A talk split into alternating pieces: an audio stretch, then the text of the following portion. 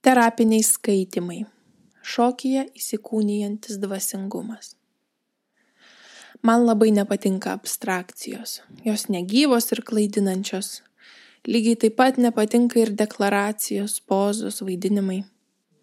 Man patinka, kai žodžiai dera su jausmu, o jausmas dera su judesiu.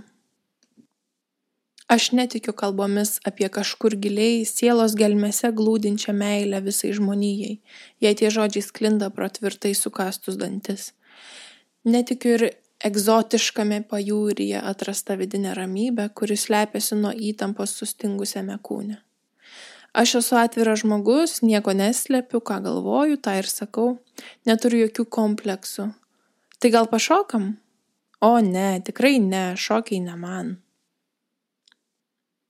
Tiesa. Kūnai nemeluoja. Žmogus gali apgauti savo protą, gali imituoti jausmus, kurių nėra ir valios pastangomis gali ištransliuoti teisingas emocijas. Netgi gali pademonstruoti tinkamą elgesį. Bet paprašius atsipalaiduoti, jis puls į paniką ir jo kūnas išduos tiesą. Aš negaliu atsipalaiduoti, nes esu negyvas, įkalintas baimėse ir nuolatinėje kontrolėje visaip kaip suvaržytas, apleistas ir įtampomis sukaustytas kūnas nebedalyvauja žmogaus gyvenime, jis velkasi kaip nereikalinga našta, kurią nori, nenori reikia rūpintis ir kuris išduoda pačiu akiplėšiškiausiu būdu, kaip tik tuomet, kai skrupulingai kurtas įvaizdis jau ima nešti trokštamus vaisius. Aš labai nuoširdus žmogus, jautriai ir empatiškai reaguoju visas socialinės aktualijas. Girdi, groja muzika, gal pašokam? Oi ne, neturiu tam laiko ir šiaip aš nemoku šokti. Tu išmokai gražiai šipsotis, supratingai linkčioti galvą ir nutaisyti atjautos kupiną veidą. Bet pamiršai išmokti šokti? Šokti nereikia mokytis, mūsų kūnai sukurti šokti. Jie šoka, jei tik jiems leidžiame tą daryti. Jei iš tiesų žmoguje tvyro gyvenimo džiaugsmas, jautrumas aplinkos kalbinimui, netgi tas taip mėgiamas demonstruoti nuoširdumas, toks žmogus gali šokti. Daugybė žmonių gyvena įsitikinę savo ypatingų jautrumų bet tas jų jautrumas ar įsikalbėta empatija nieko bendro neturi su jų kūnais, nes dažniausiai tai tik pervargusio proto ekspresijos. Jei tik pabandytum tam savo ypatingam jautrumui suteikti judesi, staiga imtų ir paaiškėtų, kad tai ne jautrumas, o paprasčiausias nervingumas. Pabandyk savo empatiją išreikšti judesiu, veiksmu, poelgiu ir jos neliks vietoje jos rasis kažkas tikro, ką tu iš tiesų jauti, bet mieliau nejaustum. Kūnai nekuria istorijų apie save, jie tiesiog jaučia tai, ką jaučia. Žmogus išsijuosęs gali savo įrodinėti, kaip labai jis myli savo artimą, bet jo kūnas tą artimą sutikęs ims kleisti panikos bangas ir niekaip nesutinka su tuo mylimuoju apsikabinti. Man labai patinka mano darbas, jaučiuosi ten iš tiesų vertinama. Tik kiekvieną pirmadienį ten nuėjusi apsivemiu. Turbūt dėl to, kad savaitgalį daugiau neįprastai valgiau. Aš labai pasitikiu savo drauge, mėgstu su ja leisti laisvalaikį, tik niekaip nesuprantu, kodėl man surakina žandikaulius, kai atrodo maloniai bendraujame, neįmanoma žodžių iš savęs išspausti.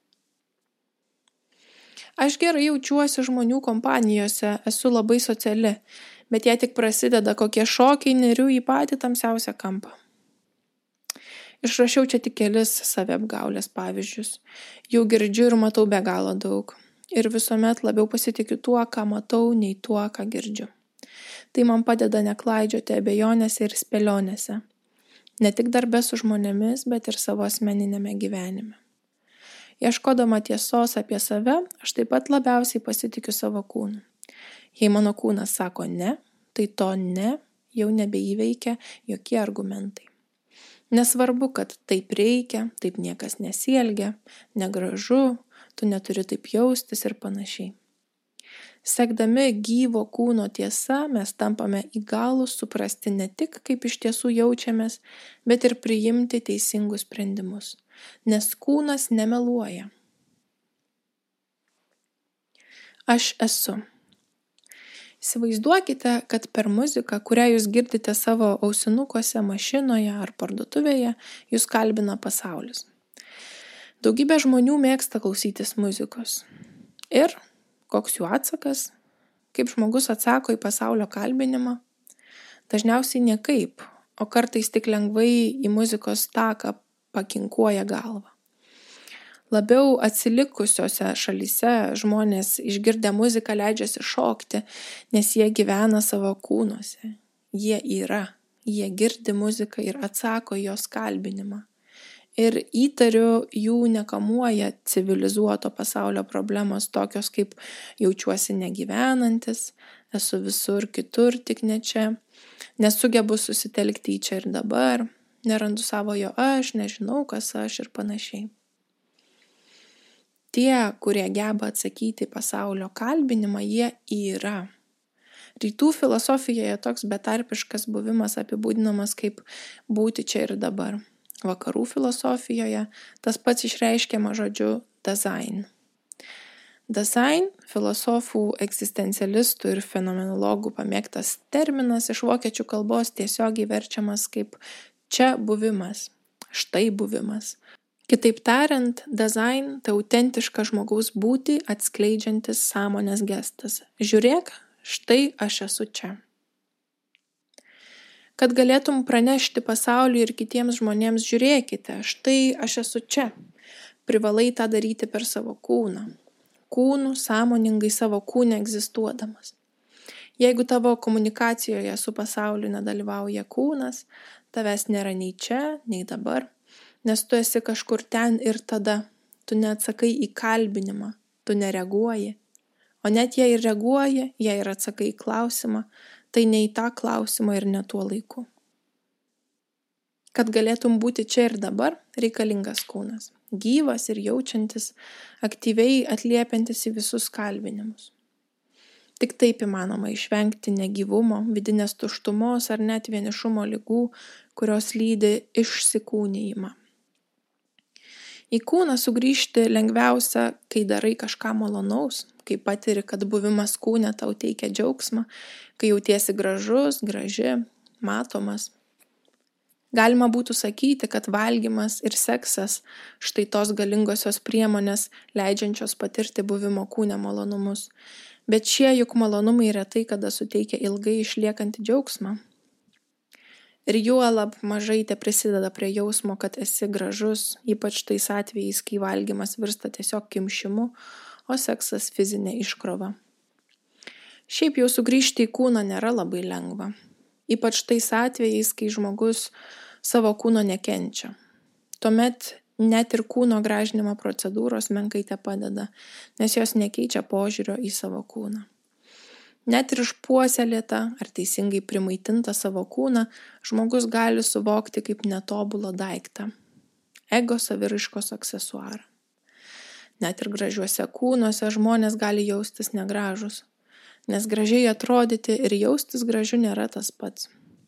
Šokis, jei jis šokamas natūraliai, nemechaniškai, moko jaustis gražiu. Beje, svarbu paminėti, prigimtinis kūno gebėjimas šokti tai ne tas pats, kas kūno ištreniravimas ar panaudojimas šokiui. Kad patirtum prigimtinio kūno gebėjimo šokti terapinę galę, turi būti tylus. Taip tu girdėsi savo paties ritmą harmoningame sąskambyje su pasaulio muzika turi būti klusnus, kad kuo tiksliau išreikštum tai, kas tu esi ir kuo grakščiau įsilietum į visatos, kuri taip pat yra melodija, netrikdydamas ir pagal save jos neperdarinėdamas. Turi būti džiugus, kad per tave laisvai tekėtų neišsenkantis meilės ir džiaugsmo šaltinis. Ir turi būti gražus, toks, koks esi iš tiesų, toks, koks buvai sukurtas. Laisvė. Filosofas Martinas Heideggeris, paklausęs, kodėl yra, kodėl ne niekas, ieškojo atsakymų, kas lemia yra, esu, būti, suvokimą ir ką tai reiškia. Egzistencinės terapijos praktikoje mes susidurėme su atvirkštiniais klausimais. Kodėl tavęs nėra, kodėl tavęs nėra tavo kūne, tavo gyvenime, Kodėl tu negyveni? Turbūt pastebėjote, kaip blėstantis gyvybingumas ir į sąmonę besismelkianti nebūtis ima reikštis kūne. Žmogaus judesiai tampa monotoniški bei vangus, atrofuojasi gebėjimas jausti, išgyventi kažką visų kūnų, nesvarbu, ar tai būtų emocija ar muzikos ritmas. Kad ir kas bevyktų, viduje ar išorėje žmogus, kurio beveik jau nėra, juda vienodai, sėdi vienodai, net ir šypsosi vienodai. Psichologijoje toks užstrigimas vis siaurėjančiame vienodume vadinamas rigidiškumu. Leisdami savo labiau atsipalaiduoti ir įvairiau judėti, o gal net ir šokti, mes galime išsilaisvinti iš rigidiškumo ne tik savo kūnus, bet ir psichiką bei emocijas. Leisdami savo judėti taip, kaip judasi, kaip norisi, kaip jaučiasi, mes atkuriame savyje harmoniją bei grožį, mes tampame laisvi šokti. Drasa. Šokti - tai būti matomu, save išreiškiančiu, pasirodančiu. Jeigu sėdžiu tyliai kampe, nejudrioje klaustuko pozoje, saugiai pasislėpęs už kompiuterio ekrano, tai jokios drąsos man lyg ir nereikia. Bet jei tam savo kampe man darosi pilka ir liūdna, tai gal vis tik verta rizikuoti stotis ir pareikšti pasauliui apie save. Štai aš esu ir esu toks koks esu. Toks išlindimas iš gyvenimo pakampių kuriuose tyliai slepiasi daugybė drovių ir savimi nepasitikinčių žmonių reikalauja taip vadinamos egzistencinės drąsos. Drąsos reikšti save savo emocijas būti matomu nesigėdinti tvirtai atsistoti ant kojų, išsitiesti, kad galėtum pakelti rankas į dangų. Kai leidi savo šokti, privalai išdrysti, ištiesti ranką, pajudinti pečius, nebegali likti sustingęs ir nematomas. Šokti reikia drąsos ir ta drąsa randasi su kiekvienu tavo judesiu. Ypač jei šokių judesys nėra išmoktas, kad būtų teisingas ir toks kaip visų. Apie save priplepėti galime daug. Galime prirašyti kelis puslapius savo pasiekimų ir sukelti juos į socialinius tinklus, bet save parodyti visų kūnų čia ir dabar, natūraliai judanti, ar, o siaubas, netgi šokanti suskambus muzikai, rimtas iššūkis slėptis ir susimenkinti linkusiai savimoniai. Pasileisti šokti, išdrysti pasileisti šokti, tai atsisakyti ego kontrolės kaip rašo vienas iš kūno terapijos pradininkų Alexander Lowen, pacientai dažnai negali to padaryti. Jie bijo, kad kūnas išduos.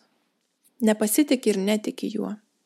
Baiminasi, kad kūnas parodys silpnybės, sugriaus dirbtinį manieringumą, atskleis liūdėsi ir leis prasiveršti įniršiui. Taip, kūnas tikrai tą padarys. Jis sugriaus užtvaras, kurias žmogus pristato norėdamas nuo savęs ir išorinio pasaulio paslėpti tikrąjį save. Tačiau tuo pat metu kūnas atvers naujas būties gelmes, praturtins gyvenimą dalykais, prieš kuriuos pasaulio turtai atrodys smulkmena. Šie dalykai yra dvasios pilnatvė, kurią gali suteikti tik kūnas. Tai nauja, nes buvome įpratę galvoti, kad dvasia atsieta nuo kūno. Bendrystė. Turbūt nustebinsiu tuos, kurie bendrystę kaip dvasinę kategoriją suvokia tik per santykius su kitais žmonėmis. Apie tokią bendrystę kalba daugybė teologinių bei dvasinių mokyklų.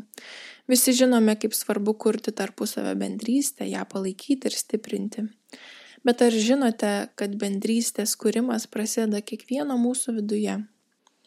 Tai kūno ir proto bendrystė kol bendrystės nėra žmogaus viduje, kol kūnas gyvena savo, galva savo, o širdis apskritai neaišku, ar egzistuoja, tol puoselėti tarp žmogišką bendrystę ganėtinai kebli užduotis. Šokis dalyvauja ir vidinės bendrystės atkūrime ir prisideda prie išorinės. Tuo jis ir unikalus, jei vertintume šokį kaip dvasinę terapiją. Šokyje dalyvauja ir kūnas, ir protas, ir jausmai. Šokiu galime išreikšti giliausias žmonijos problemas, atskleisti subtiliausius dvasinius fenomenus. To nepadarysi be sutelkto kūno, proto ir jausmų bendradarbiavimo. Todėl, jei kam aktualu gebėti kurti geresnius santykius su savimi ar kitais, jei kas jaučia nuolatinį proto ir širdies nesusikalbėjimą, siūlau pradėti šokti. Kodėl? Nepasakysiu nieko naujo, tik priminsiu. Žmogaus nervų sistema apima visą kūną, ji nėra sutelkta išskirtinai galvos smegenyse.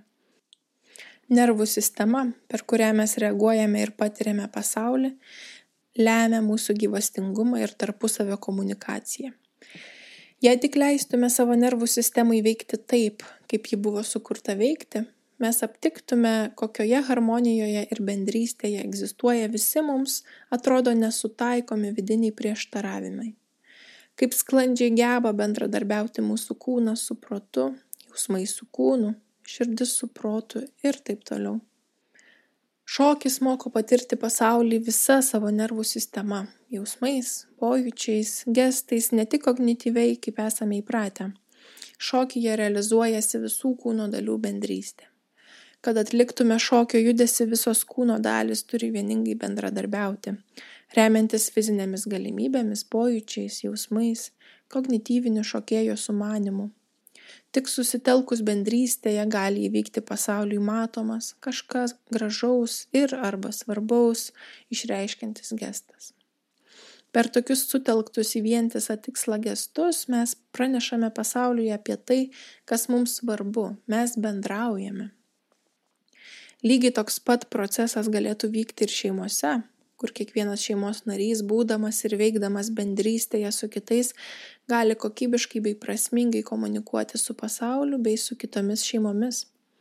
Apie ką jūsų bendras šokis? Klausiu vaikinuko, kuris jau du metus mesga santykių su mergina ir vis dar nežino, apie ką tie jų santykiai, ką jie veikia kartu ir koks to susitikinėjimo tikslas. Gyvenime dažnai atliekame įvairiausius veiksmus, kažką sprendžiame, kažko reikalaujame iš savęs, iš gyvenimo, bet jei kas mūsų paklausia, apie ką tas tavo šokis, ką tu iš tiesų nori pasakyti visais tais desperatiškais veiksmais, sutrinkame. Mes nežinome atsakymo į šį klausimą, nes jei palygintume savo santykius ar savo gyvenimo stilių su šokiu, tai matytume keistai besidarkančią būtybę, kurios viena ranka šoka, o kita kabo negyva, kurios kojos trypia džigą, o veidas sutrauktas į nelaimingojo Piero kaukę. Muzika, pagal kurią jis įsivaizduoja bešokantis, jam netrukdo, nes jis juda pagal savo vidinio chaoso ritmą, kuris galėtų nustelbti net ir bažnyčios varpus. Tai čia apie vidinę bendrystę. Žinoma, yra dar ir paprastoji bendrystė, socialinė. Šokdami bendrą šokį pagal tą pačią muziką žmonės jaučiasi vieningesni, vienas kitam artimesni. Anksčiau tokią funkciją vykdydavo liaudės šokiai. Dabar žmonės jau nesuka bendrų ratelių tiesiog todėl, kad sėkmingai baigė bendrą projektą. Neliko ir tradicijos bendrai apšokti visų džiaugsmingų ar liūdnų gyvenimo įvykių bet populiarėja socialiniais vadinamų šokių vakarėliai, kur poreikis bendram šokiui vienokiu ar kitokiu būdu vis dar gali realizuotis. Aš pati kurį laiką organizuodavau bendros maldos šokius. Ir vienas svarbiausių patyrimų, kuriuo dalindavosi maldos šokių dalyviai, nepaprastai malonus bendrystės pojūtis. Bendrame šokyje nesunku patirti vieningumą ir susietumą su kitais. Šias patirtis tuomet galima pernešti į savo kasdienę aplinką ir sėkmingai išsigydyti vienišumo ir apleistumo baimės. Vidinė ramybė. Dar viena svarbi dvasinė kategorija, kuri įsikūnyja šokyje - vidinė ramybė. Pasiekti vidinę ramybę gali medituodamas, bet gali ir šokdamas. Pirmiausia todėl, kad šokis efektyviai mažina stresą Šokis priverčia atidėti į šoną problemas ir atsirasti savo kūne, o tai reiškia, tu turi grįžti iš ten ir tada į čia ir dabar. Turi pradėti girdėti, kvepuoti, judėti. Visi šie veiksmai rekomenduojami įvairiose streso mažinimo programuose. Šokant jie atsitinka savaime. Jausk savo kūną, įsiklausyk į aplinkos garsus, girdėk širdies ritmą. Jei tą darome sėdėdami negyvoje pozoje, vos tik sujudėję lengvai prarandame. Jei tą darome šokdami, net ir dinamiškose gyvenimo aplinkybėse, galime išlikti savo vidinėje ramybėje, nes išmokstame suvokti, kad vidiniai ramybei netrukdo nei kūnas, nei išorinis triukšmas, net jei jis ir nepanašus į šokių muziką. Štai taip šokyje įsikūnė dvasingumas. Per ramybę, tiesą, laisvę, drąsą, grožį, bendrystę ir buvimą savimi. Tai buvo Linos Dirmotės straipsnis Šokyje įsikūnijęs dvasingumas. Skaitė Agne Veželytė. Daugiau straipsnių galite rasti šioje Spotify platformoje arba mūsų internetinėje svetainėje gyvojpsichologija.lt.